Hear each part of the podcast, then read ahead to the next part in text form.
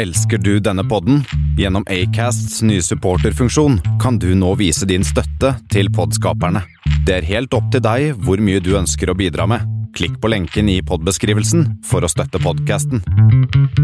Hei og velkommen til en ny episode av Ikke sant? Mitt navn er Ån Razanakvi, og jeg er din host. Eh, I dag så har jeg med meg Hilde Østby, som har skrevet om kreativitet, hjernen, alt mulig annet som fascinerer meg utrolig mye, men som jeg kan veldig lite om. Kan kanskje noen fun facts eller noen sånne jeg vet ikke, ting som ikke jeg vet er sant engang, for jeg har bare hørt og aldri lest det. Men Hilde Østby hun har ikke bare lest ting, hun har også skrevet ting og forklarer oss andre dødelige hvordan kompliserte ting som hjernen og uh, kreativitet egentlig fungerer. Samtalen du skal til å få høre nå rett etter introen, er en samtale som Jeg spilte inn introen litt senere. For at noob som jeg er, dette er andre episoden jeg spilte inn, så glemte jeg å ta en intro. Jeg bare gikk rett inn i samtalen. Så litt premiss for deg som skal til å høre.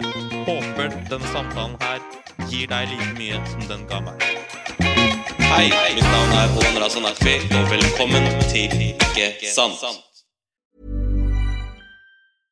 Selling a little or a lot? Shopify helps you do your thing however you cha-ching. Shopify is the global commerce platform that helps you sell at every stage of your business. From the launch your online shop stage to the first real life store stage, all the way to the did we just hit a million orders stage.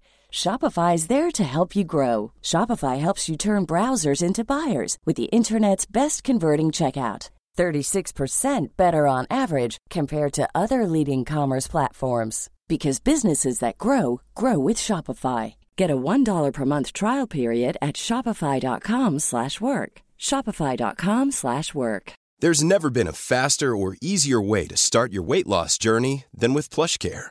PlushCare accepts most insurance plans and gives you online access to board-certified physicians who can prescribe FDA-approved weight loss medications like Wigovi and Zepbound for those who qualify.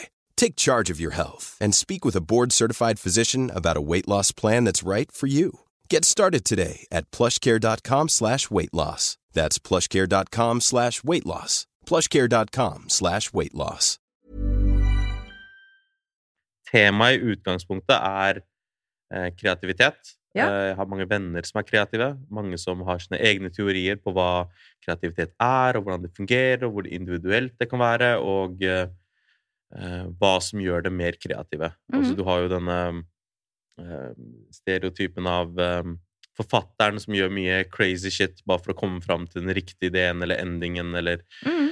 den, den um, um, forlatte kunstneren som ser verden fra et vindu og, og, og, og liksom um, the, the, the mad genius, mm. uh, de med psykiske problemer og, og rusproblemer, og ut av det kommer fantastisk kunst. Mm. Um, jeg pleier ofte i starten å bare kaste ballen til gjesten. Uh, Introduser deg selv. Uh, ja, hei, jeg heter Hilde Østby. Jeg er uh, idéhistoriker, og jeg har jobba som journalist i mange år. Og så har jeg skrevet uh, fire bøker, eh, og nå holder jeg på med en ny om ensomhet. Og før det så har jeg utgitt en bok som heter Kreativitet, og nå kom jeg nettopp med en bok om kroppsskam som heter Mageboka. Og så har jeg skrevet en bok med søsteren min som handler om hukommelse, så du kan spørre meg om eh, alt som har med det å gjøre. Åh, jeg skulle, det er nesten så vi bare skulle snakke om fedme. Også. ja. Jeg var 105 kilo i februar. Å, gud da meg! Og nå er jeg på 89-90. Ja. Så, så det, og det, det var egentlig fordi at jeg fikk en, um, eh, en diagnose på søvnapné i en Ja. alder av 30 år. Ja. Og jeg tenkte det er en sånn old man 40-60 år-sykdom. Og så er jeg 30 år, og så har jeg den sykdommen. Så jeg tok grep, da. Ja. Så det var mer sånn skam for å eldres for tidlig. Ja. For å få sykdommer og være i en posisjon som jeg ikke selv vil være. Ja. Jeg vil ikke være Ha en kropp som er 50 eller 60 år, Mm. men en hjerne som sier, går rundt og sier at 'nå er jeg gammel', oppfører meg som jeg er 80 år, da. Jeg sa gud a meg, ikke fordi 105 var så mye, men det var, jeg bare Du har gått det ned veldig fort. Ja. eh, Det som funka for meg, var, var keto og intermittent fasting. ja. Det, det, det gjorde underverker. Ja. Ingenting annet har funka. Det var en periode jeg gikk jeg, hadde, jeg var på 1000 kalorier om dagen. Ja. Og da gikk kroppen min i sånn overlevelsesmodus. ja, det er det den gjør. Sant? Det funker ikke i det hele tatt. Det funker ikke i det hele tatt. Du bare går veldig opp igjen Ja. eh, etterpå. Og det er det jeg gjorde. For da Mm. var jeg 100, og så gikk jeg opp til 105. Og jeg var så demotivert. Og så, og så var det lockdown, og så stengte treningssenteret. Mm. Så jeg var sånn hva, Kommer jeg til å dø nå, liksom? Hva, hva skjer nå? Ja. Er det hjerteinfarkt og diabetes som venter meg nå? Ja. Um, jeg så ut som en sånn eh, full Rema 1000-pose. ja. Uh, så Nei, og så, så, så var det sånn Ok, la, hva annet kan vi gjøre nå? Bare, vi får bare fokusere på maten, da. Ja. Og det var jo nøkkelen, selvfølgelig. Mm. Som alle hadde sagt meg i mange år. Men jeg Ja. bare ville ikke lytte. Ja, ja, jeg har prøvd liksom alt, jeg også. Um, I boka mi så skriver jeg jo kanskje mest om psyken uh, i dette, da. Og om uh, sammenhengen mellom overspising og depresjon, Uh, og mellom kroppshat og depresjon. Og for meg er jo veien ut er veldig knyttet til at jeg Men det er veldig mange forskjellige grunner til at man går opp. Søvnapne er jo én måte, fordi eh, det å ikke sove øker appetitten din sånn veldig. Eh, så det er et forsøk som er gjort eh, med folk som bare sov litt for lite. Og du sov nok ganske mye for lite, fordi du blir vekket hele tiden, men eh, forskjellen på å sove syv-åtte timer, som er bra, det er bra for deg, og å sove fire-fem timer, som er akkurat litt for lite, det er at du får veldig økt appetitt eh, sånn i, på ettermiddagen og kvelden, og spiser veldig for mye. Og det Så søvn Jeg skriver om søvn, altså. Vi har jo et veldig usunt forhold til søvn, egentlig. Tur, altså, tenk deg, da. Strømnettet kom til denne byen for bare litt over 100 år siden. Og siden da har vi lyst opp husene våre og holdt døgnet mye lenger Ja, enn det som er naturlig for oss. Altså, ikke sant? my, altså, vi hadde jo lys i gamle dager òg, men ikke sånn at en hel by var skinna av lys. Og så i tillegg, på toppen av det, så har vi skjermer. Ja. Eh, og mange sover med Det er sikkert ikke du lenger nå. Sover med telefonen ved siden av senga. Mm. Og det er jo det dummeste du kan gjøre. Det lille lyset fra den telefonen eh, gjør at du ikke sover så dypt som det du egentlig skal. Og at du lettere våkner etter sånn 45 minutter, en time. Gjelder det hvis jeg legger mobilen på kommoden ved siden av?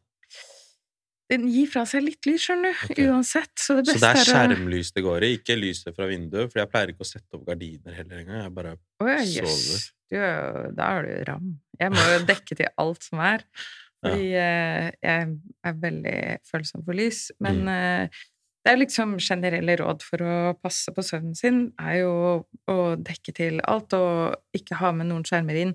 Ikke, jobb, ikke jobbe på soverommet. Ja, det lærte jeg meg for lenge siden, faktisk. Ja. Mm. Holde alt stress utenfor soverommet. Mm. Men så er det mm, en stor undersøkelse som ble foretatt på 6000 studenter i Mm. forskjellige kulturkretser. Ok.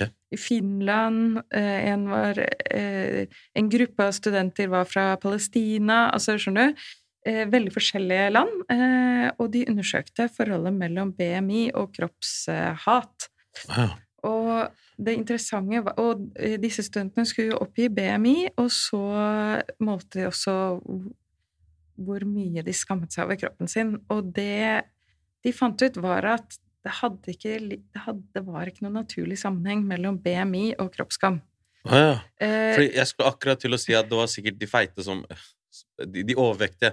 Det er riktig. du kan si måte. feil. Ok, ja, det var de feite som hata kroppen sin mest. Ja, men det var ikke det, skjønner du. Det var, Ja. eh, de målte også en ting til, og det var eh, De hadde indikatorer på depresjon. Og det som avgjør at man har et kroppshat, da, har med depresjon å gjøre. Og det var den undersøkelsen jeg leste først, som eh, åpna feltet opp for meg. Fordi for meg, for eksempel, eh, det som har vært driverne i min overspising, har jo vært depresjon. Ikke sant? Ja.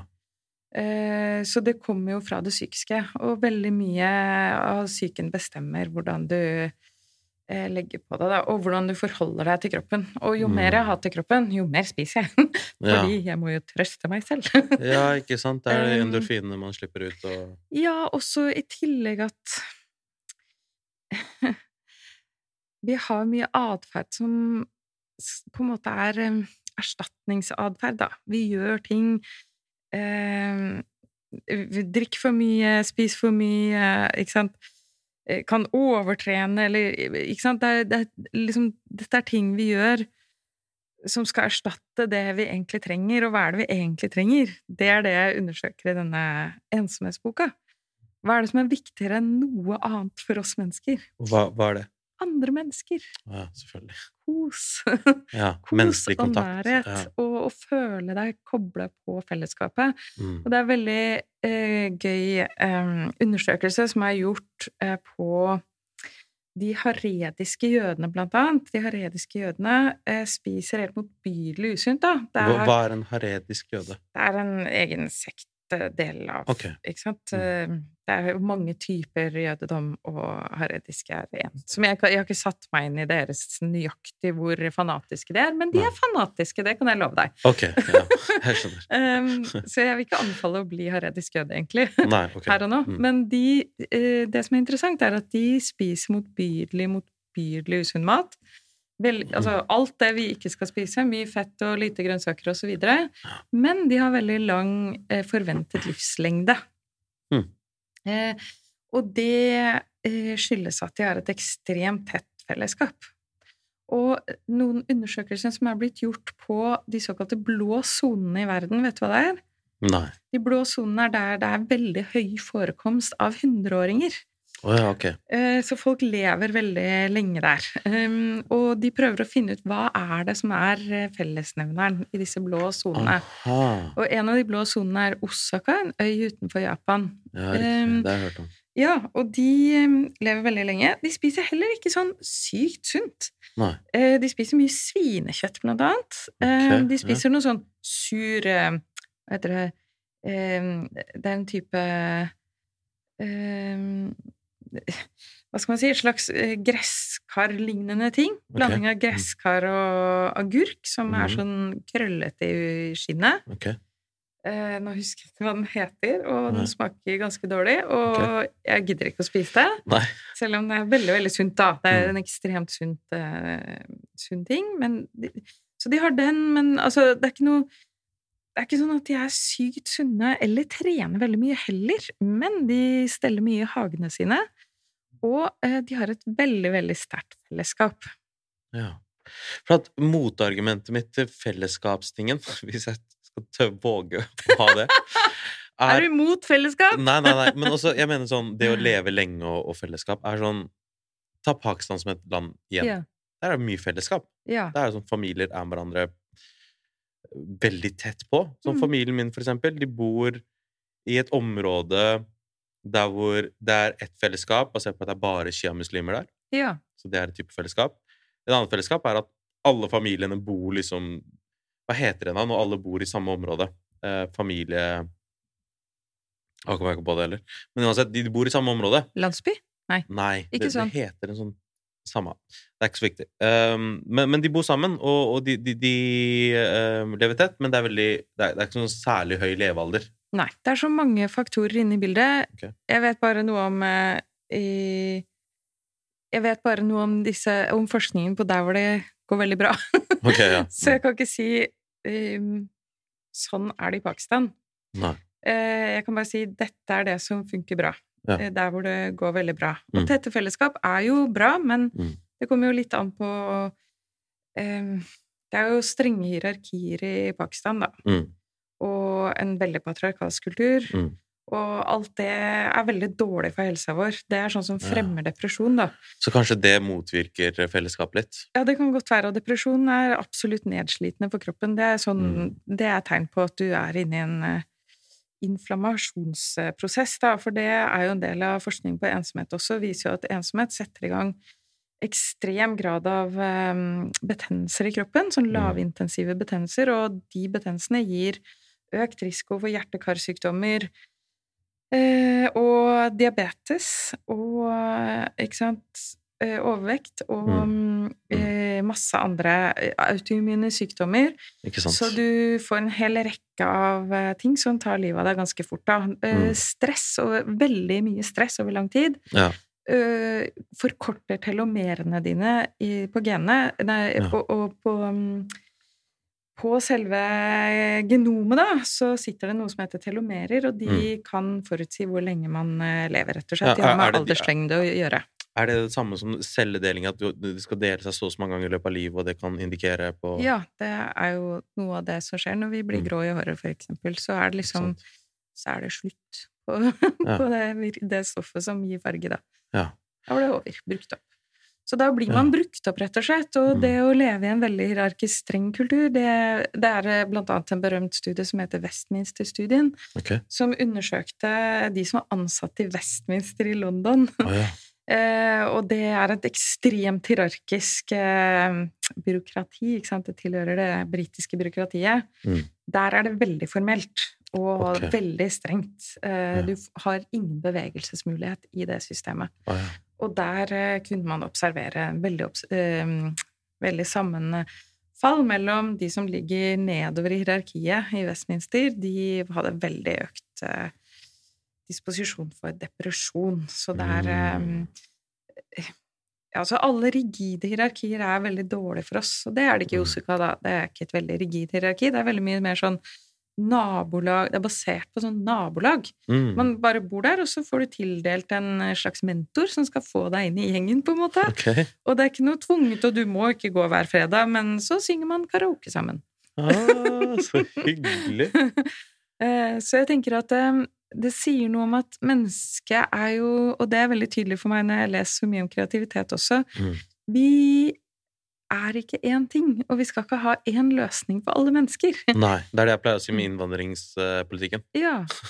Ja, men altså, vi er veldig forskjellige, og vi Mm. trenger veldig forskjellige ting. Mm. Og da må vi være i et system eller et samfunn som gir oss litt plass da, Mm. sant? til å prøve forskjellige ting, Mm. og finne vår egen måte å gjøre eh, ting på. For jo, jeg snakket jo med veldig mange kreative folk hun har jobbet med Mm.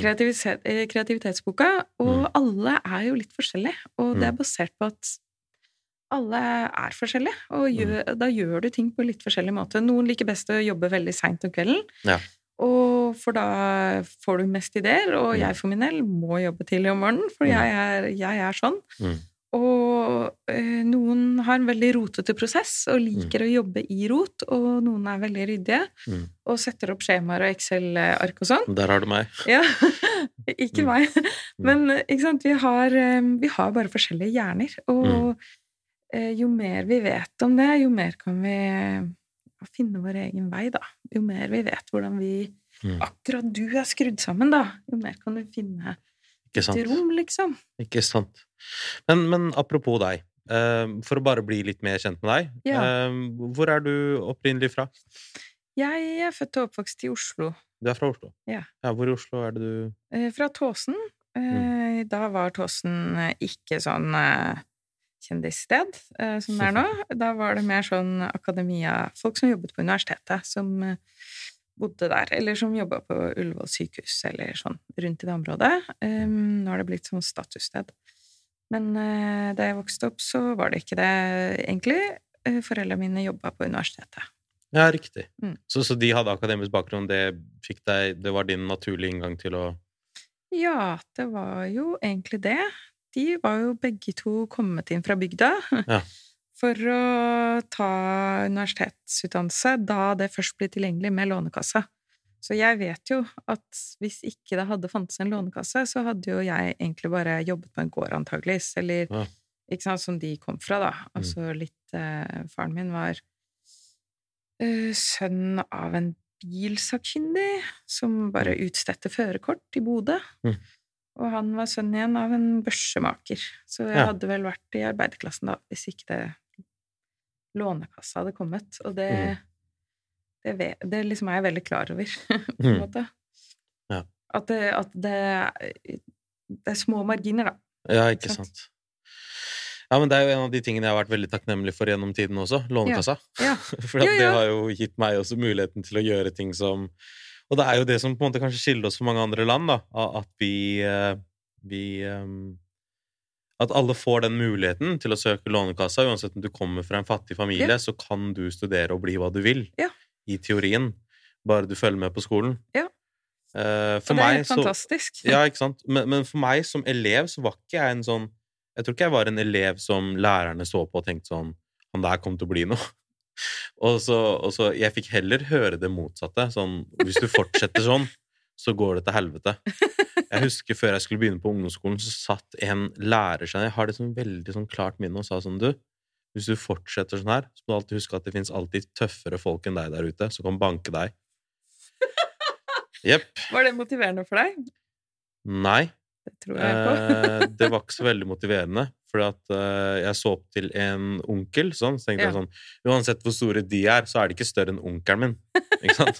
Var en at- dårlig ting. Ja, for han er 1,90 høy, svær, med gullkjeder Så det var feil ting å si til deg, egentlig. Ja, det var helt feil ting å si til meg. Det var forferdelig ting å si til meg. Ja, nei, jeg undersøker jo skolevesenet i boka Kreativitet. Det som er helt sånn avgjørende for det kreative arbeidet, og som er helt sånn underkommunisert, folk vet ikke om det, Mm. det er at vi har to systemer i hjernen.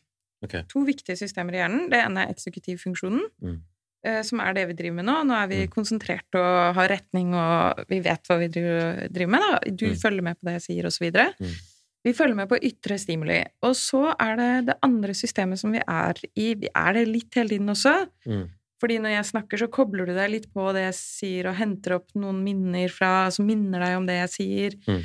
Prøver å knytte deg til det jeg sier, da. Mm. Forhåpentligvis. Ja. Eh, og det, da, er, da aktiverer du det dagdrømmemodus. Men du kan Mm. kjenne på dette nettverket når du sitter bare og venter på bussen, og ikke sjekker mobilen, ikke sjekk mobilen. Okay. Sitt og vent på bussen, og så bare kjenner du at tankene begynner å fly og hoppe og danse. Ja. Fra assosiasjon til assosiasjon. Og det virker sånn veldig uviktig, Mm. men det forskerne har funnet ut de siste ti årene, er at dette nettverket er ekstremt viktig for vårt forhold til oss selv. Hvem vi er, rett og slett. Hva vi føler at vi er, og hva som er viktig for oss. Det er et sted å komme i kontakt med Ja. eh, din indre stemme, da, som du trenger når du skal skrive eller synge eller whatever. Eh, så trenger du å komme i kontakt med det.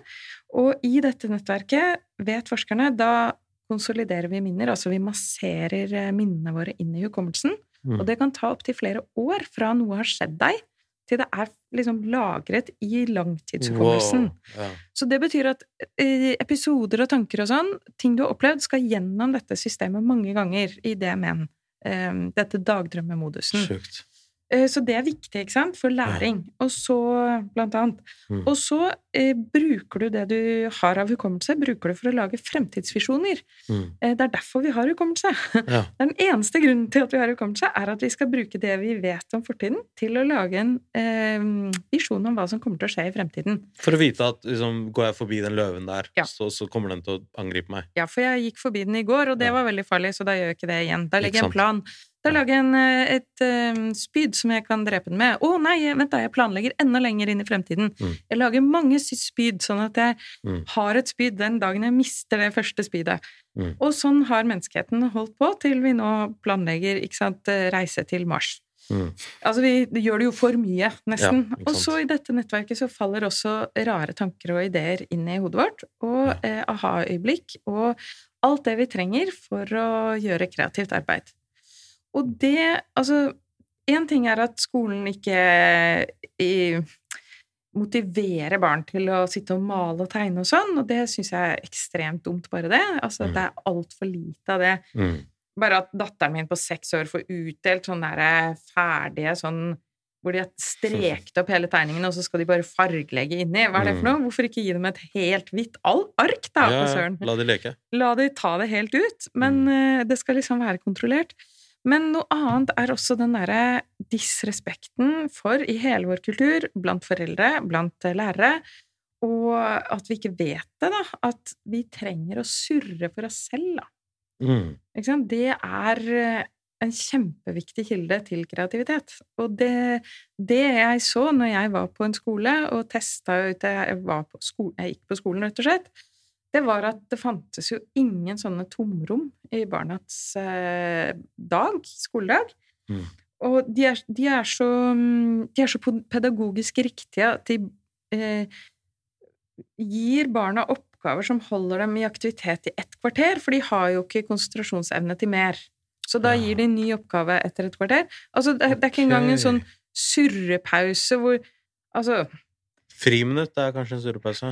Ja, det er en surrepause, men det er fullt av folk, og da leker de og ja, det er mye sosiale dimus- altså alt Da er det der veldig det ja. er heavy sosialt spill da, Ja. for barn. Ja. Og så i tillegg så kommer det at statistikken viser at foreldre aktiverer barna sine alt, altfor mye. De har nesten ikke fritid, da. Og så, i, på toppen av det, så har vi smarttelefon og eh, gaming og internett, og da er det nesten ikke noe rom igjen. Og forskerne mener jo at barn, siden de skal lære mye mer enn oss, og de skal bearbeide seg selv i forhold til andre, som vi gjør i dette dagdrømmemodusen, eh, de skal mye mer enn oss. Altså, jeg vet jo sånn halvveis hvem jeg er, men barn aner jo, har ikke peiling. Mm. Og eh, de trenger mer enn oss en fremtidsvisjon, for de skal jo bli i fremtiden. Mm. Eh, og de skal ha masse gode ideer hele tiden. Altså, barn trenger, mener forskere, å være 80% i dette nettverket. Ikke at de skal sitte 80% og surre i sin egen, sitt eget hode, men det skal være mye mer rom Mm. for barn. Mer enn det det er i dag, i hvert fall. Ja, det er det jeg tenker da. Jeg Og, tenker og at, angst og eh, depresjon øker jo blant barn og unge. Ja, ikke sant? Så, som Jeg får så mange tanker mens du prater. Og så på én side så, så, så lurer jeg på om Så det vi snakker om, er at det er lurt å la barn kjede seg litt. Liksom det, det, liksom, jeg ser det veldig mye i sånn unge foreldre. Så er det sånn man gir dem en iPad, og så er det sånn OK, shut the fuck up, bare se på det her. Hold deg selv opptatt så du slutter å grine. Ja. Ikke sant? Eh, Så, så det er en avledningsmanøver. Ja. Um, og samtidig så, så husker jeg min egen oppvekst. Så var det sånn Du gikk ut, og du bare fant på lek. Så Ja. vi måtte bruke kreativiteten til å Yes. underholde oss selv. Men det jeg lurer på, er Kan man ikke være i DMN men mens jeg spiller et spill? Jo da, som eh, jeg sa, det kan man. Altså, eller mobil, er, ja. Mm. fordi hjernen er jo laget sånn, og vi kan ikke ikke være det i det hele tatt. Og som du sa nå, jeg får så mange tanker mens du snakker. Ja. Da har du hoppet innom DMN, da, Ja, og gjort dine egne assosiasjoner. Mm. Så det går eh, absolutt an, men vi trenger eh, Vi trenger eh, noen sånne lange strekk innom Mm. der. Ikke bare at vi hopper innom. Eh, nå Så hva, hva, hva hadde en idé Hvis du skulle forandra skolen, Hilde, Mm. hva, hva, hadde du, hva hadde du gjort? Så, la oss si at du skulle bare adda maks tre ting. Du kan velge én hvis du vil. Eh, jeg tror eh, Jeg ville jo ha hatt mye mer lek Mm. eh, gjennom hele barneskolen. Eh, for min del, datteren min går på barneskolen nå. Jeg krever egentlig ingenting av skolen, annet enn at hun i løpet av barneskolen lærer seg å lese, Mm. skrive, regne, basic regning og svømme. Mm. Og på dette tidspunktet så kan hun lese, skrive og regne ikke så mye, men nok til at det sikkert holder. Mm. Hun, kan ikke, hun har ikke lært å svømme på skolen. Mm. Og veldig mange barn lærer ikke å svømme, og det er ikke nok svømmehaller, og det bekymrer meg. Mm. Men bortsett fra det så tenker jeg at um, eh, vi har så latterlige krav til hva de barna skal komme ut av skolen med. Mm. Og det er ting, det er egentlig bare én ting jeg vil hun skal ha, og det er viljen til å lære noe nytt. Mm. Hvis hun kommer ut av skolen og ikke vil lære noe nytt, Ja. hva har, jeg, hva har de gjort med henne da? Og det er det som skjer. Det er det som er det som skjer? Ja. Det er akkurat det som skjedde med meg. Det er 30% av gutter faller ut av videregående skole, og eh, hvorfor det? Det er fordi skolen funker ikke. Vet du hvorfor jeg ikke falt ut? Nei. Fordi at jeg så at det var litt sånn trangt med penger hjemme. Jeg ville ikke be om penger hjemme, så jeg sa jeg vil ha en jobb. Familien Ja. hadde en restaurant. Jeg jobba der hver tirsdag, fikk en tusenlapp i måneden og var kjempefornøyd med det. Ja. Men så, når faren min slutta der også, så, så fiksa han meg som lørdagsvikar i Posten. Ja. Der måtte jeg stå opp, og jeg hater å stå opp om morgenen. Eh, seks om morgenen måtte jeg være på jobb hver lørdag. Og jeg leverte post i Larvik sentrum, og jeg kunne se venner liksom på vei fra nachspiel til et par anledninger. Og jeg visste at ok, der er de nå, liksom, og jeg står her ute og leverer den jævla posten her, liksom. Faen. Og så pleide jeg liksom å Når jeg la posten inn i postkassen, så tenkte jeg sånn ah, De ligger der inne og sover og chiller'n. For dem det er lørdag, det er fri. Og jeg tenkte sånn du vet, Jeg er veldig glad i faren min, og fra der hvor han starta i Pakistan, til der hvor han er i dag, med, med en eh, enebolig og, og, og bil, og liksom jobber fast i Posten Det er et kjempestort steg. Mm. Men for meg, å være i Larvik og forbli der og gjøre eksakt det samme, det var ikke et like stort steg. Nei.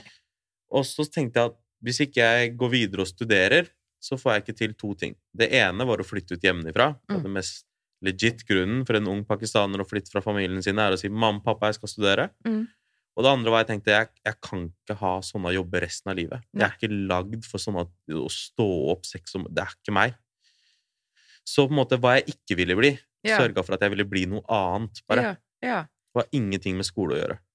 For når jeg søkte på skoler, så kom jeg ikke inn på noe av det som jeg hadde en naturlig interesse for. Mm. Kriminologi, demokrati og rettigheter. Ingenting av det. Mm. Eh, så jeg begynte på en kristen høyskole. Teologiske menighetsfakultet. Yes. Så der hadde de tverrkulturell kommunikasjon. Og jeg tenkte Å, ja. sånn, oi, det er story of my life. Så når ja. jeg kommer inn på noe Og skulle vi reise til Kina og Malaysia og gjøre feltarbeid og møte andre kulturer og alt det her. Kult, da. Så det var grunnen. Det hadde ingenting med, med skolen å gjøre. Det var restplass og nød som gjorde. Og så, så innså jeg at vet du hva, for første gang i livet så var det gøy å lære noe Ja. fra, fra en skole. Ja, ja, ja.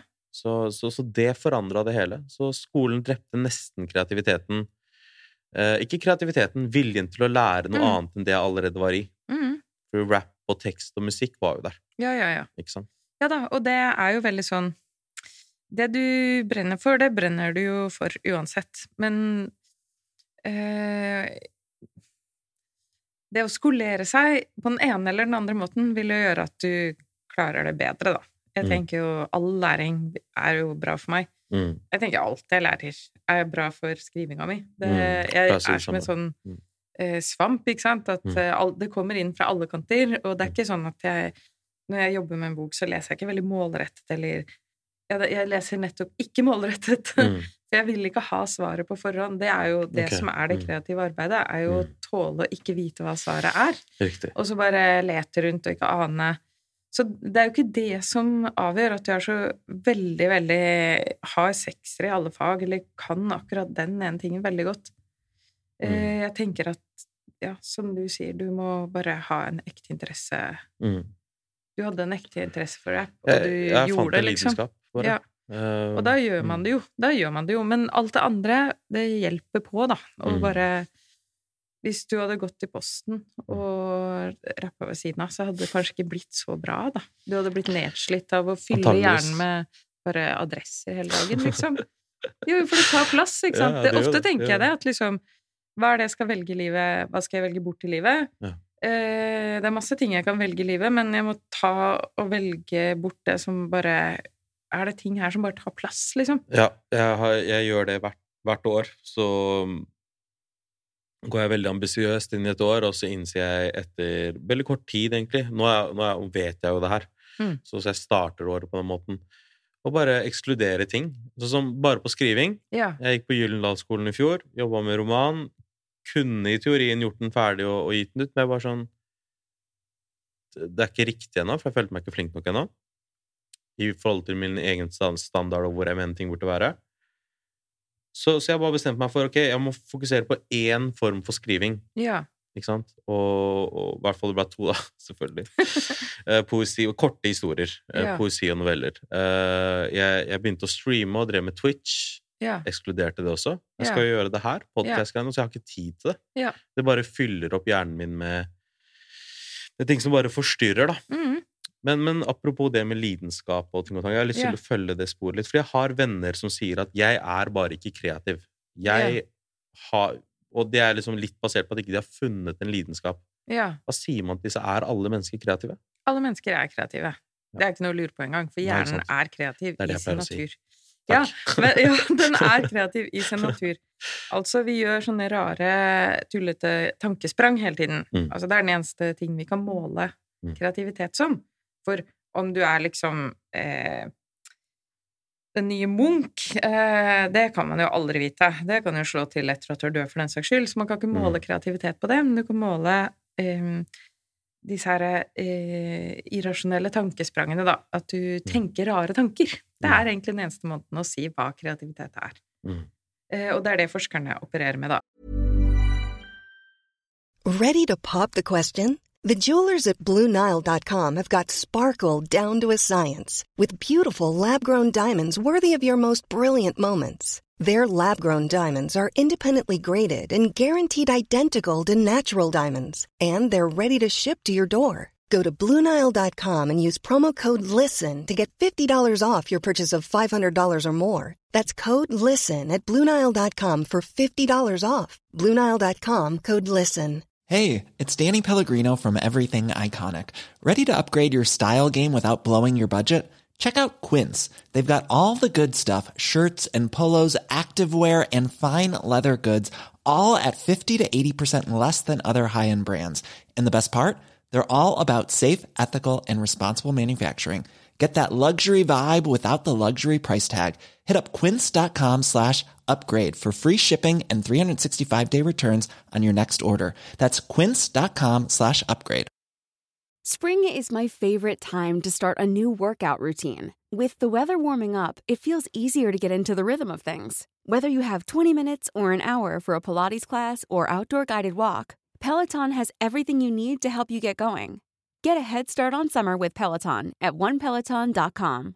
Quality sleep is essential. That's why the Sleep Number Smart Bed is designed for your ever evolving sleep needs. Need a bed that's firmer or softer on either side? Helps you sleep at a comfortable temperature? Sleep Number Smart Beds let you individualize your comfort so you sleep better together. JD Power ranks Sleep Number number 1 in customer satisfaction with mattresses purchased in-store. And now save 40% on the Sleep Number limited edition Smart Bed for a limited time. For JD Power 2023 award information, visit jdpower.com/awards. Only at Sleep Number stores or sleepnumber.com. Ikke sant? Så alle har det. Alle har det når vi dagdrømmer. Så har Mm. alle disse tankesprangene og rare innfall og ideer. Mm. Og så handler vel altså Forskningen på folk som jobber kreativt, viser at de som jobber med kreative ting, da, Mm. det vi definerer som kreative ting, Mm. de har en større tillit til de rare tankesprangene. Ja. Jeg stoler på mine egne rare ideer. Jeg har masse rare ideer hele tiden, og jeg tenker sånn Jeg går for det. Ja. Her er det noe, liksom. Ja. Eh, mens de som kanskje ikke jobber eh, Kanskje jobber på regnskap, da, de vil jo skyve den eh, ville ideen veldig langt bort, for det passer dårlig på regnskap. Ja, ikke sant? Du kan ikke bare plutselig Ja. Mm. Eh, ja, du kan jo ikke det, for da blir det tull i regnskapet. Ja. Eh, så det er jo eh, Og så er det interesse, ikke sant? At en, undersøkelse som ble gjort på mm, musikklærere, som skulle gjette hvilke av studentene deres som kom til å gjøre det bra som musikere, Mm. de musikklærerne tok jo feil. Ja, det For de gikk, etter, de gikk etter talent, ikke sant? Så de så å, den fantastisk talentfullt barn kan gjøre hva som helst, ikke sant? Ja. Eh, Ja. Da de sjekket disse barna Ja. i mange år etterpå, så var det ikke de som hadde blitt eh, profesjonelle musikere. mm. Nødvendigvis. Det var de som hadde eh, lidenskap, Mm. og som hadde jobba jævlig hardt for det. For jeg fikk en toer i norsk, og jeg sto på scenen i en full Oslo Spektrum. Ja. Og det, jeg husker jeg tenkte på det i det øyeblikket jeg tenkte på læreren min da. Så tenkte jeg sånn Hva gjorde mest- du på scenen? Jeg var uh, rappa med, med Arif. Så, så på en måte jeg, jeg er med på um, en låt på skiva hans. To låter på skiva hans som, han- var Du tenkte det idet du står på scenen. Før jeg skulle på. Se her, norsklærer! nei, eh, musikklærer. Eh, Musikklærer. For at, for at hun var liksom sånn Jeg husker at jeg, jeg var med på talentkonkurranse på skolen og kom et lite stykke, og jeg tenkte så det må jo bety noe for henne. Hun er Mm. musikklærer. Hun ser jo at den kiden her er engasjert som faen. Ja. Men jeg hadde liksom ikke den derre trommisrytmen, og hun ville Ja. at jeg skulle spille trommer. Jeg vet ikke om det var en stereotype. Jeg vet ikke. Men hun ville jeg skulle spille trommer. Kanskje bass. Eh, og så endte jeg opp med den derre Hva heter den der dung, greia du slår på? Sånn- Triangel. Tri nei, ikke triangel. Å Sånn ja, derre- xylofon. xylofon. Ja. Endte jeg opp med den, og dødskjedelig. Så, så da følte jeg at okay, instrumenter er ikke noe for meg. Hvis hun Ja. hadde pusha meg, så kanskje det hadde vært instrumentene i bildet òg. Ja. Det, altså, det har så mye å si, eh, lærerne. Og i dag så har jeg venner som er lærere, og jeg er veldig glad for at de folka er lærere. Ja. De, de har vokst opp litt sånn som det jeg gjorde. ja. Så, så det er en bra ting. Så, så la oss si at eh, vi, vi, vi tar utgangspunkt i min venn fortsatt, som sier 'jeg er ikke kreativ'. Og så sier Ja. jeg sånn 'jo, men du er kreativ'. Ja, men hvordan, hvordan blir jeg mer kreativ? For jeg føler meg kreativ nok. Ja, eh, da gikk jeg inn på forskning på hva som stopper oss i å være kreative. Ja, ikke sant? Og hva er det som stopper oss i å være kreative? Altså Spørsmålet er ikke om vi er kreative, alle er kreative. Eh, Mhm. Spørsmålet er hva stopper oss. Eh, Det er to ting som samarbeider, da. Og det er at fra vi er sånn fem-seks år gamle, så eh, vil vi prøve å normalisere oss, da. Så den nydelige ungen min kom hjem før jul her med ønskeliste, og det sto bare én ting på den ønskelista. Okay. Det sto 'Jeg vil bli vanlig'. Nei Å, nå ble jeg trist. Ja, jeg vet! Og hun er jo kjemperar unge, ikke sant? Å, og hun er jo bare alt Hun er klin kokos i hodet. Men du vet, eh, samtidig så visste jeg det, at det er det som skjer når du blir fem-seks år. Ja. Så vil du bli som de andre. Det er en helt naturlig prosess. Ja. Du integrerer regler og normer som du ser rundt deg. Du plukker opp hva du tror er vanlig, og prøver å bli vanlig. Og det er ren overlevelsesinstinkt også, da. Vi må ikke bare bli lei oss. Det er Ja. også noe veldig sterkt i det. Okay. Fordi den ungen som vil bli vanlig, har det overlevelsesinstinktet som vi snakket om tidligere, det med å være ensom, Mm. er eh, frykten for å bli utstøtt fra fellesskapet, eller miste fellesskapet ditt, med okay. det som følge av at du dør. Det er definisjonen på ensomhet. Åh, intenst. Ja, ikke sant? Og det er fordi hjernen vår ble utviklet eh, for 300 000 år siden, hvor det å bli utstøtt fra fellesskapet og etterlatt på savannen i Vest-Afrika, det betød at du døde. Ja. Så når barnet mitt vil bli vanlig, så er det også en sånn sterk livskraft i det. Hun vil være del av flokken. Mm. Så det skjer fra vi er fem-seks år gamle. Vi integrerer alle disse reglene og normene og det vi ser i kulturen rundt oss. Mm. Det er den indre kritikeren. Eh, Ja. Og vi vil bli vanlige eh, bare for å overleve i, i gjengen, ikke sant? Ja. Og ikke bli mobba ut eller utstøtt på en eller annen måte. Og så er den andre drivkraften er det som skjer når vi er veldig konsentrert og i dette som, vi kalte, som jeg kalte eksekutivfunksjonen Mm. dette nettverket hvor du er veldig konsentrert på noe ytre, da, eh, da bruker vi frontallappen mye det her foran i panna. Mm. Og så på siden her ved mm, tinningene så har vi noe som heter temporallappen. Ok. Og temporallappene, de, de jobber med veldig mange ting, altså Mm. språkfølelse og alt mulig, men eh, en av jobbene til temporallappen er å sperre ute eh, støy eh, som ikke Altså alt utenfor den samtalen vi har eh, her og nå, vil jeg prøve å sperre ute. Så hvis det hadde sittet masse folk rundt oss nå og snakket om andre ting, Mm. så hadde jeg jo ikke hørt det. Jeg hadde ikke hørt deres samtaler mens Nei, vi snakket sammen. Ikke sant? Ja. Og eh, unødvendige synsinntrykk, altså Ja. på samme måte, og unødvendige assosiasjoner og tankesprang. Det Ja. blir også sperret ute av temporallappen når vi er veldig konsentrert og i sånn ytre stimuli. Jeg skjønner. Så det som er viktig da, er jo å komme seg inn i dagdrømmemodus. Mm. Og eh, tolerere det å ikke være så Mm. aktivert hele tiden. Så der vil jeg si til din kompis, legg vekk mobiltelefonen, og Mm. Eh, sitt stille på en benk og bare la tankene vandre. Det Mm. holder kanskje å gjøre det en halvtime. Kan hjelpe å bare sette seg på T-banen, da. Mm. T-banen, og så ikke ha med mobiltelefon. Ja. Sånn du må sitte på den turen, ikke sant? jeg kom på en ting du fortalte meg en gang, og det hadde noe med vann å gjøre. Mm. Og det skulle hjelpe. Vann hjelper. Eh, det brukte jeg utrolig mye tid på, å finne ut hvorfor vann hjelper. For du Mm. vet alle historiene. Arkimedes ligger i badekaret, Mm. Og folk får gode ideer i dusjen, etc., etc. Mm. Det er jo haugevis av sånne historier. Mm. Eh, I boka mi så bruker jeg jo Alice in Wonderland veldig aktivt. Okay. Eh, så vi er jo alle Alice in Wonderland, vet du. Mm. Mm. At vi følger etter den kaninen og havner i eventyrland hvis vi bare tillater oss å gjøre det. Mm. Eh, og når eh, eh, Carroll fikk ideen til Alice in Wonderland, og egentlig laget hele eh, den historien som ble en av verdens største bestselgere, så satt han på en båt Den er oversatt til nesten absolutt alle verdens språk, og Vilt. lest av millioner. Det er ganske sjukt. Og det, det som skjedde, var at han satt på en båt gjennom Oxford, eh, Themsen, og eh, sammen med tre barn, Mm. som sa 'kan du bare underholde oss'? Og hvis de hadde hatt en kortstokk den dagen, så hadde de nok sikkert spilt kort, men siden de ikke hadde med seg noen leker den dagen, okay. så lagde han hele, he, absolutt hele historien, var nesten helt ferdig i løpet av den ene båtturen. For han fortalte til disse barna. Yes. Og det var det. Wow. Og det var jo ikke noe han planla, og ikke noe han ville, og han var i dagdrømmemodus. Altså, de, du er ikke mer avslappa enn når du sitter på en båt en doven julidag Ah. Eh, og bare slapper av sammen med tre unger. Og det som eh, Så jeg lette sånn veldig etter hva er det Hva er det med vann, da? Hvorfor dukker det opp overalt i alle disse fortellingene? Ja. Eh, og så fant jeg et kjempestort forskningsprosjekt som heter Blue Health, eh, hvor, de blant, altså hvor de undersøker sammenhengen mellom havet og mental helse. Og det de fant ut etter å ha eh, bedt 20 000 mobilbrukere oppgi hvor de følte seg lykkelige, Mm. og dette var koblet til stedstjenester, så de kunne egentlig lage et kart over lykke. Oh, ja. Og kart over lykke viste at eh, havet, det er det lykkeligste stedet. By far. Det er der vi er aller mest lykkelige. Den, den vant soleklart, Mm. og så kommer eh, skog, og så kommer fontener, og så kommer parker. Fontener. Ja. Og det, det, og det de tror, er at vi Ja, for fontener er jo bare minihav. Du får den Eh. lyden av rennende vann, ikke sant? Klart det. Og så Nå får man fontene i leiligheten. Ja! Det, god idé!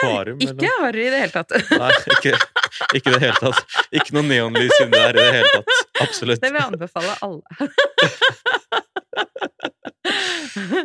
Men det som jeg skjønte da, og som ble sånn veldig klart for meg De forskerne sa at det som skjer når du er lykkelig over havet, er at du lettere går inn i denne dagdrømmemodusen. Mm. Og plutselig skjønte jeg at det er en veldig tydelig sammenheng mellom lykke og kreativitet. Mm. Så det å fjerne stress, og det å tåle å gå dagdrømme for deg selv, Ja. eh, det, det er jo både ganske lykkelig, og det vil gjøre deg mer kreativ. kreativ og kreativitet og lykke er det samme. Ja, ikke sant? Så det ensomme, Kreativitet og lykke er det samme. så det depressive, ensomme geni, det er bare tull. Det er bullshit fra ende til annen. Er det det? Ja, Det er det. All forskning tyder på at det er bullshit. Punkt én ensom. Okay. Det stemmer ikke. Ja. Ingen eh, lager noe. Ingen lager noe fint og putter det mellom permer eller på en plate for at ingen skal få det med seg. Nei. Så det er jo noe du gjør for å kommunisere med andre mennesker. Ja. Eksisterer en tekst om ingen leser Ja. Nei, ikke egentlig. Ja, ikke sant? Eh, Det fins en eh, bok som er sånn 2000 sider lang, ekstremt eh, merkelig epos. eh, Mm. Med litt sånn Det er alver og mennesker i kamp, og det er et voldsomt verk, da. Er det Ringenes herre? Nei, det høres jo veldig sånn ut, ikke sant? Men det ble laget av en fyr som var litt sånn Jeg tror han var psykisk syk, og okay. hele dette verket ble liggende og ble aldri utgitt. Ja.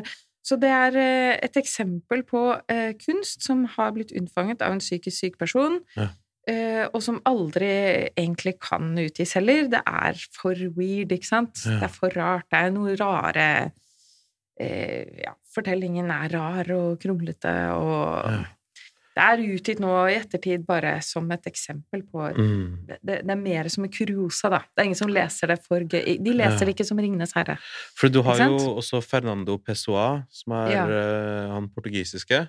Eh, og, og der fant jo bare en kiste med masse av tekstene hans. Ja, Og, og det er jo utgitt som Uroens bok. ja jeg veit. Og Kafka også prøvde jo å få Mm. brent alt han hadde skrevet. Men det er jo fortsatt em, et ønske om kommunikasjon i de tekstene. Altså, poenget mitt var den derre den, eh, Det liksom ga, gale geniet, da. Mm. Eh, Så da ville jo denne Dager, som Mm. jeg fortalte om, ville jo vært et såkalt gale geni. Ja. Men egentlig ikke. Altså, veldig lite interessant kunst produseres av folk med tunge psykoser, da. Ja. Og eh, folk som er i depresjon, de produserer også veldig lite, viseforskninga på Ja. sant, hvor man har sett på dette. Det stemmer for min del òg. Hvis jeg har Ja. vært veldig nede en periode, eller det pleier ikke å være lange perioder, heldigvis, men la oss si jeg har hatt det litt dårlig en liksom, dårlig uke eller whatever, så er ikke det den beste produktive uka Mm. på noe som helst front. Verken dype poetiske tekster eller basic svare på en mail-ting. Ja, du klarer ikke å gjøre noen ting. Jeg Mm. klarer jo ikke å lese, jeg klarer ikke å skrive hvis jeg er deprimert. faktisk. Ja. Så dep depresjon er jo kjennetegnet av at du nettopp ikke gjør noen ting, og at du Ja. blir lammet. Så derfor så er ikke det bra for eh, kreativt arbeid, da. Så Nei. det er jo en dypt kommunikativ handling, det å lage noe som andre skal se. Det er jo klart, du, du lager det jo ofte i en slags ensomhet, da. Mm. Men jeg føler meg jo ikke ensom når jeg lager noe. Jeg, jeg, jeg Mm. føler jo at jeg skal lage noe som jeg skal gi til andre. Mm. Og det er jo en sånn god følelse av eh, å dele. Ikke sant? Så det fellesskapet er bare viktigere og viktigere. Ja. Eller det er viktig. Det er det ja, Det er viktig. Ikke viktigere, det er viktigst. Det er viktigst viktigste. Eh, og det har alltid vært det. Og de som eh, hevder at vi kan skape oss selv, og at vi kan klare oss selv, og du er din egen lykkesmed og sånn, det er jo bullshit fra ende til annen, altså. Mm. Um, for at sånn fellesskap er jo noe som forhåpentligvis forblir. Men jeg har alltid tenkt på lykke spesielt da, som en sånn følelse som er veldig midlertidig. ja, det er den jo. Det, det er jo noen du får i perioder, hvis du er heldig, og så uansett om du vinner lotto, så vil hjernen din bare etter hvert være sånn Ja, nå er vi Ja, vant til dette. selvfølgelig. Ja. Selvfølgelig. Nå har vi mye penger. Hva så? ja, det er flyktig.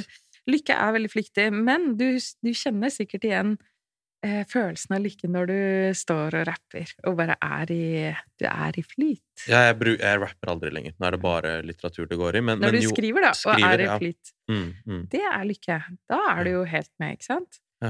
Ja. Eh, og det som skjer i hjernen da, er at eh, da samarbeider de to systemene, eksekutivfunksjonen og dagdrømmemodus, Ja. har forskerne funnet ut. Ja. Og det er jo den største lykken av alt. Du både, både har en slags retning og plan med det du driver med. Mm. Eh, Du er rettet mot noe ytre, litt, men du er Mm. også sånn veldig fri, assosiativ. Alt kan skje, liksom. Mm. Og det er en så fin følelse, da. Og ting begynner å falle på plass. Du får Mm. masse aha-opplevelser, Mm. og det er så Ja, det er du blir ikke noe gladere enn det. Ja, man blir jo forelska i arbeidet sitt nettopp på grunn av det. Og det er litt sånn litt vanskelig å, å, å forklare til noen. Jeg, eh, jeg tror jeg fortsatt sammenligner meg selv med, med vanlig og ikke vanlig, og det er litt sånn, sånn fordi at jeg føler at arbeidslivet er lagt opp til at eh, de som liker å stå opp tidlig, de vinner, Mm. og de som liker å stå opp seint, de taper. Mm. Sånn var det i skole, sånn er det også i arbeidsliv. Ja.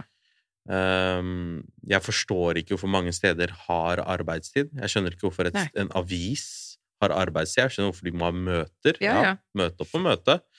Men hvor jeg skriver, og hvordan jeg skriver, burde være helt irrelevant så lenge Ja. jeg har en deadline. Ja. Det er det. Du skal stole på at jeg leverer. Ja. Basically. Exakt. Det tenker jeg også. Arbeidslivet er eh, kreativitetsfiendtlig.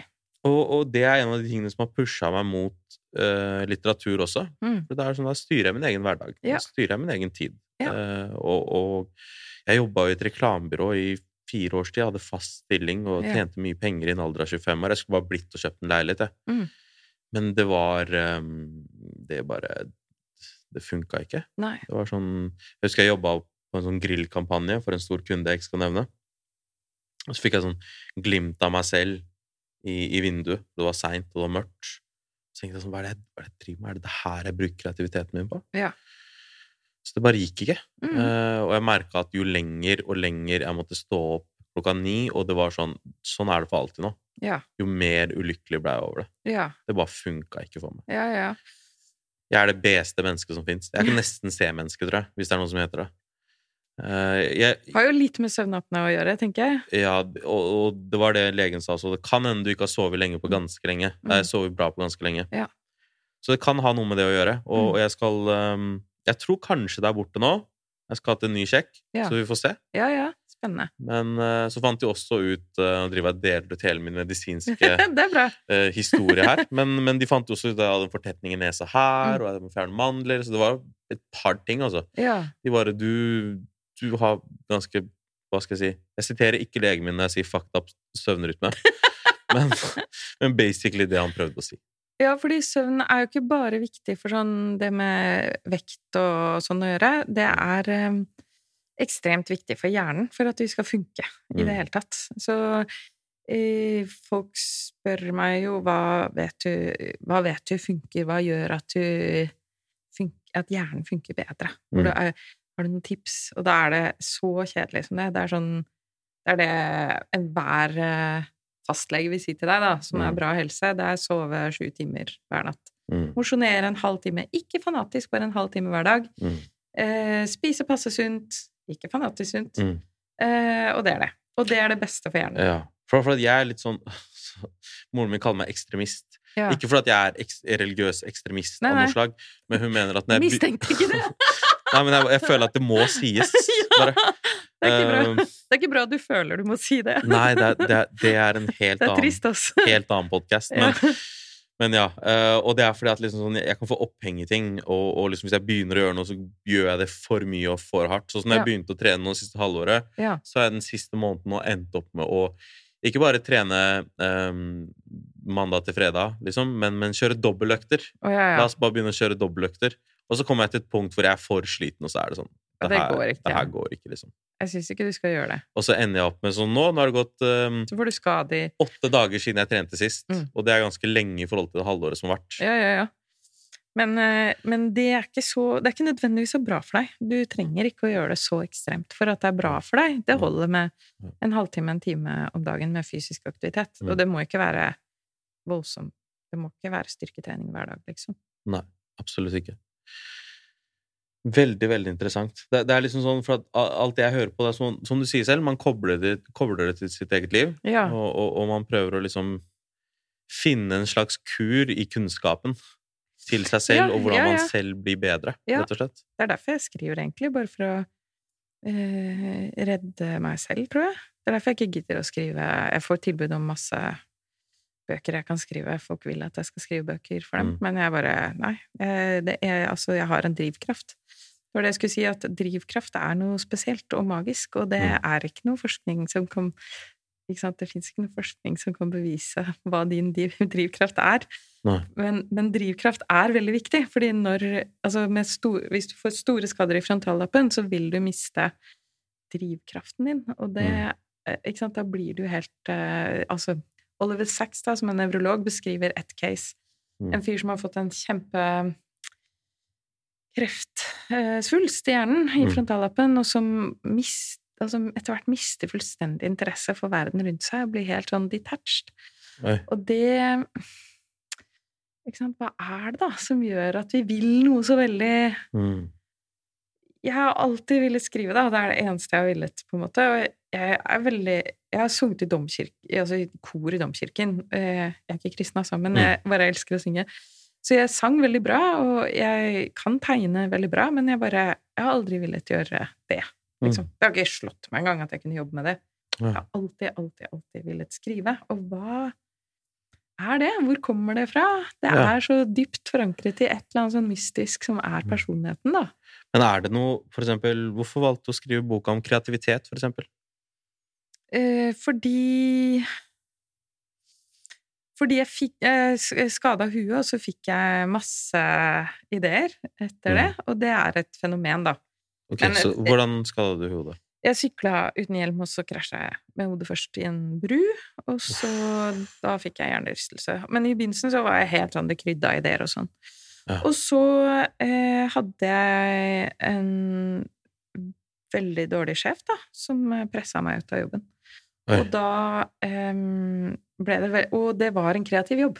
Eh, Men dette var uh, Her i denne jobben så valgte man å operere med veldig mye Excel-skjemaer og veldig sånn strenge regimer, og Ja. uh, det var egentlig alt det motsatte av det som trengs. For fant jeg sånn. ut etterpå, da, for Ja. å gjøre kreativt arbeid. Fordi etter hvert så ble jeg sånn Er det meg det er noe galt med? Er det noe jeg ikke har skjønt? Å, det har jeg følt på så mye. Fordi jeg, jeg, jeg, det, var, det var bare helt feil for å få, for å få gode ideer, da. Det var veldig mye Ja. straff hvis man gjorde feil, og ikke sant. ja. Alt dette har jeg funnet ut etterpå. Du kan, ikke, du kan ikke ha en kreativ arbeidsplass hvor det straffer seg å gjøre feil. Nei. Det kan du bare ikke. Nei, Fordi sant. det å tørre å gjøre feil er første steg mot å gjøre noe helt kreativt briljant.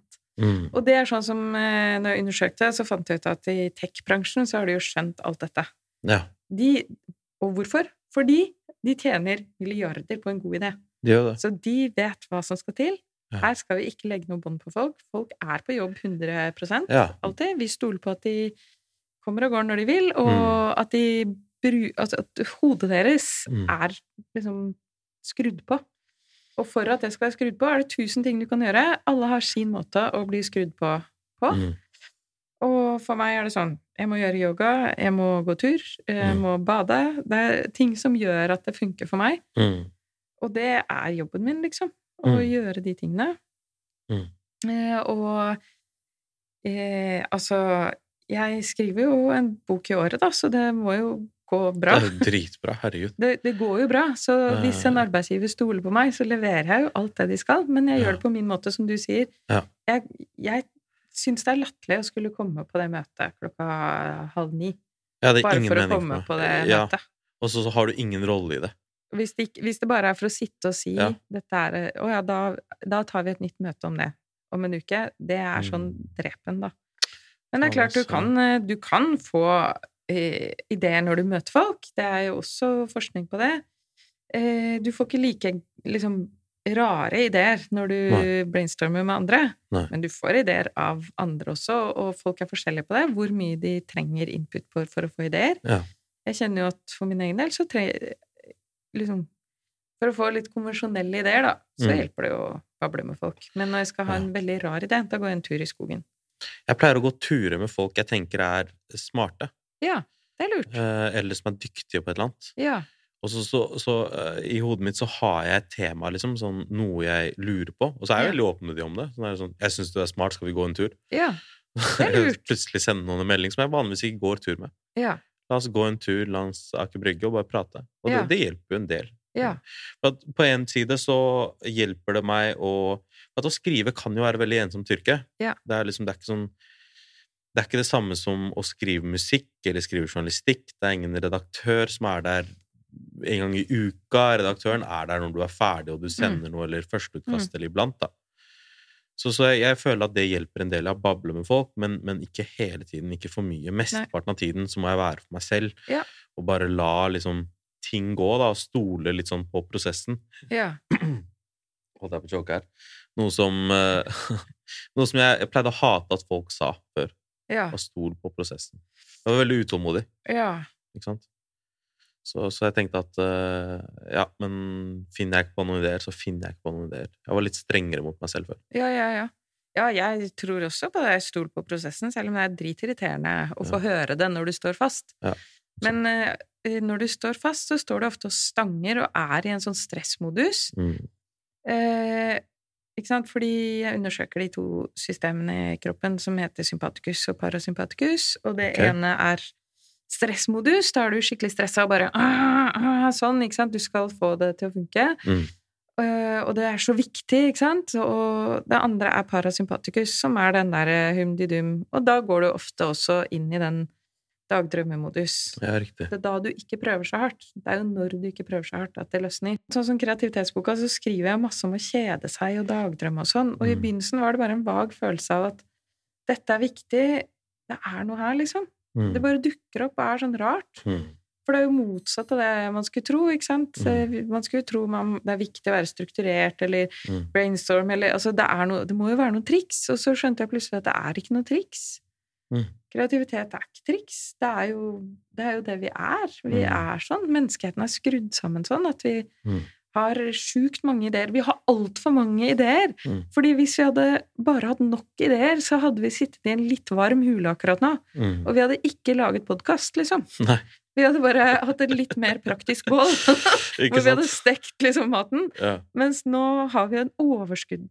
Altså, menneskeheten lever i et så overskudd, da. Ja. Hva er det de sier for noe? At, jeg vet ikke hvor mange prosent. Er det 90% av de fleste ideer, oppfinnelser i menneskets historie har skjedd de siste 20-30 årene? Er det ikke noe Jeg Jo. vet jeg sikkert missiterer Ja, den altså, jeg vet ikke det det er et ganske ikke, høyt antall. Det er et veldig høyt antall, fordi Det er tryggere Eh, enn noen gang. Det har aldri vært så lite krig som det ja, er i vår tid. Vi, har aldri vært så lite fattigdom som det er i vår tid.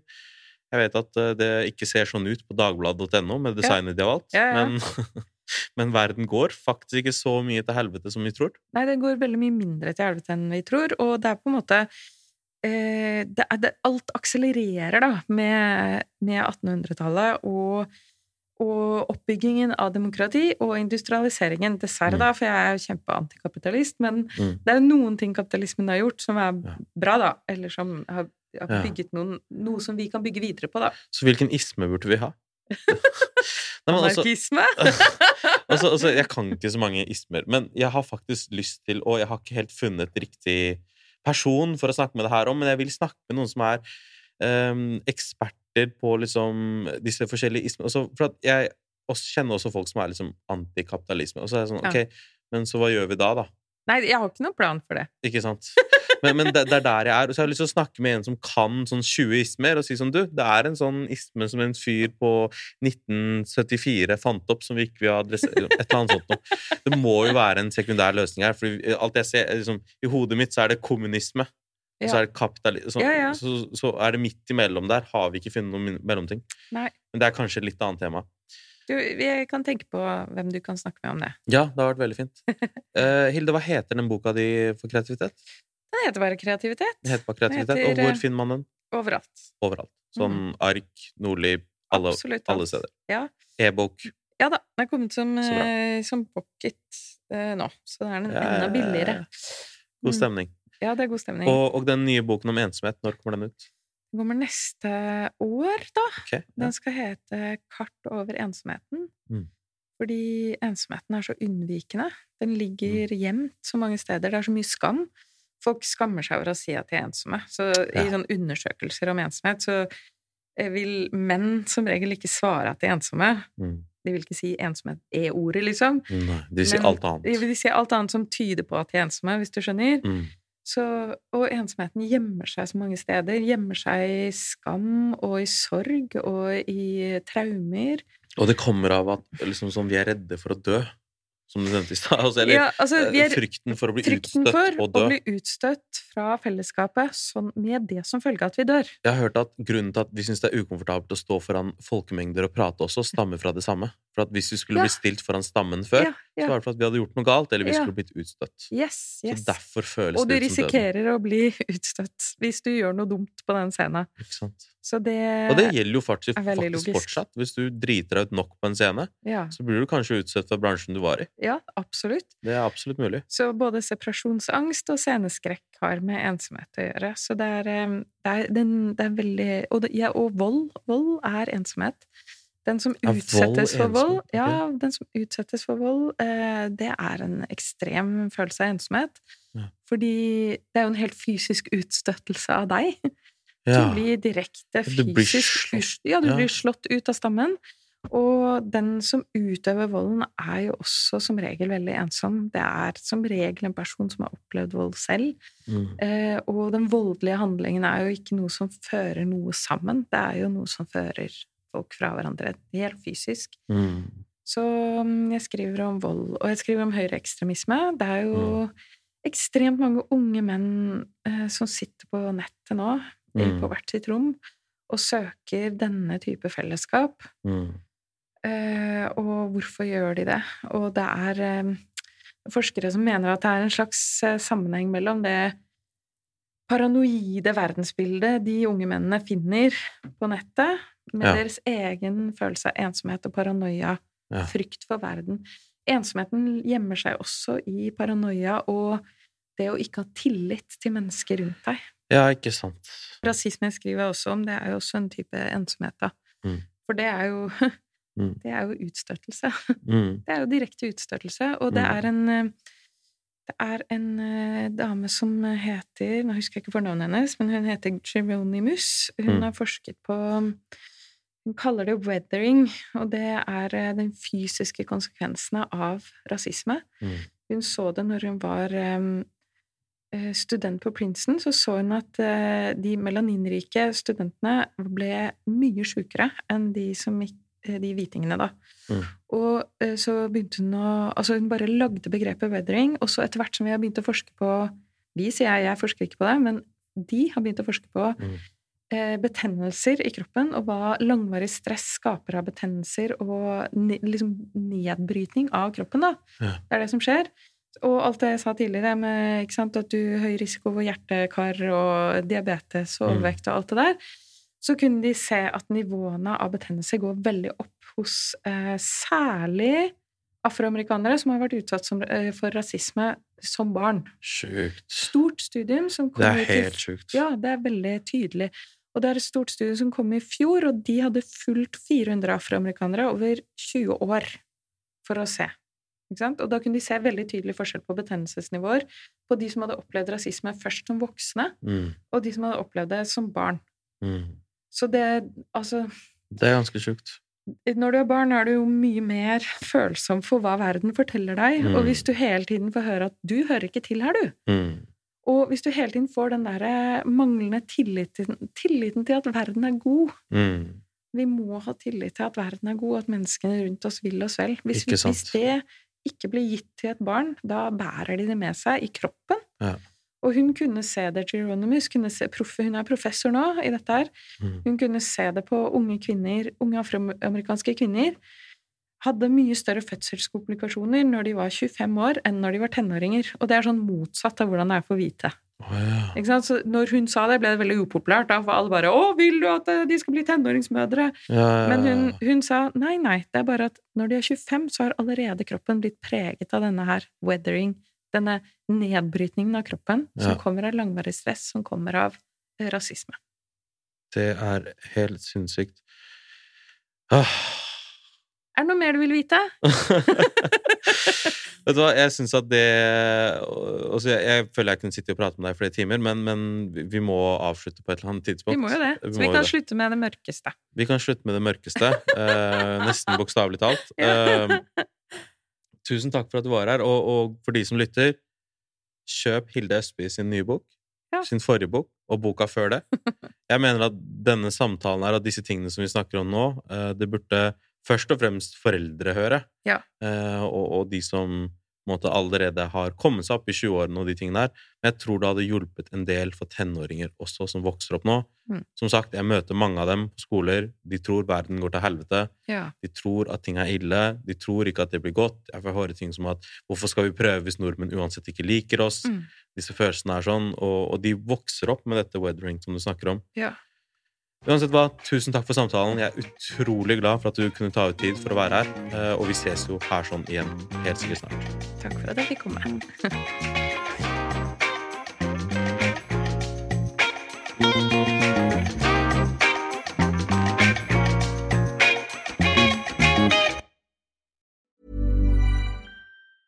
Planning for your next trip?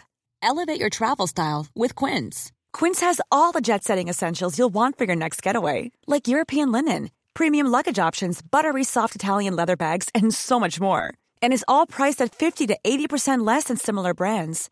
Plus, Quince only works with factories that use safe and ethical manufacturing practices. Pack your bags with high-quality essentials you'll be wearing for vacations to come with Quince. Go to quince.com slash pack for free shipping and 365-day returns. Here's a cool fact. A crocodile can't stick out its tongue. Another cool fact, you can get short-term health insurance for a month or just under a year in some states. United Healthcare short-term insurance plans are designed for people who are between jobs, coming off their parents' plan, or turning a side hustle into a full-time gig. Underwritten by Golden Rule Insurance Company, they offer flexible, budget-friendly coverage with access to a nationwide network of doctors and hospitals. Get more cool facts about United Healthcare short-term plans at uh1.com.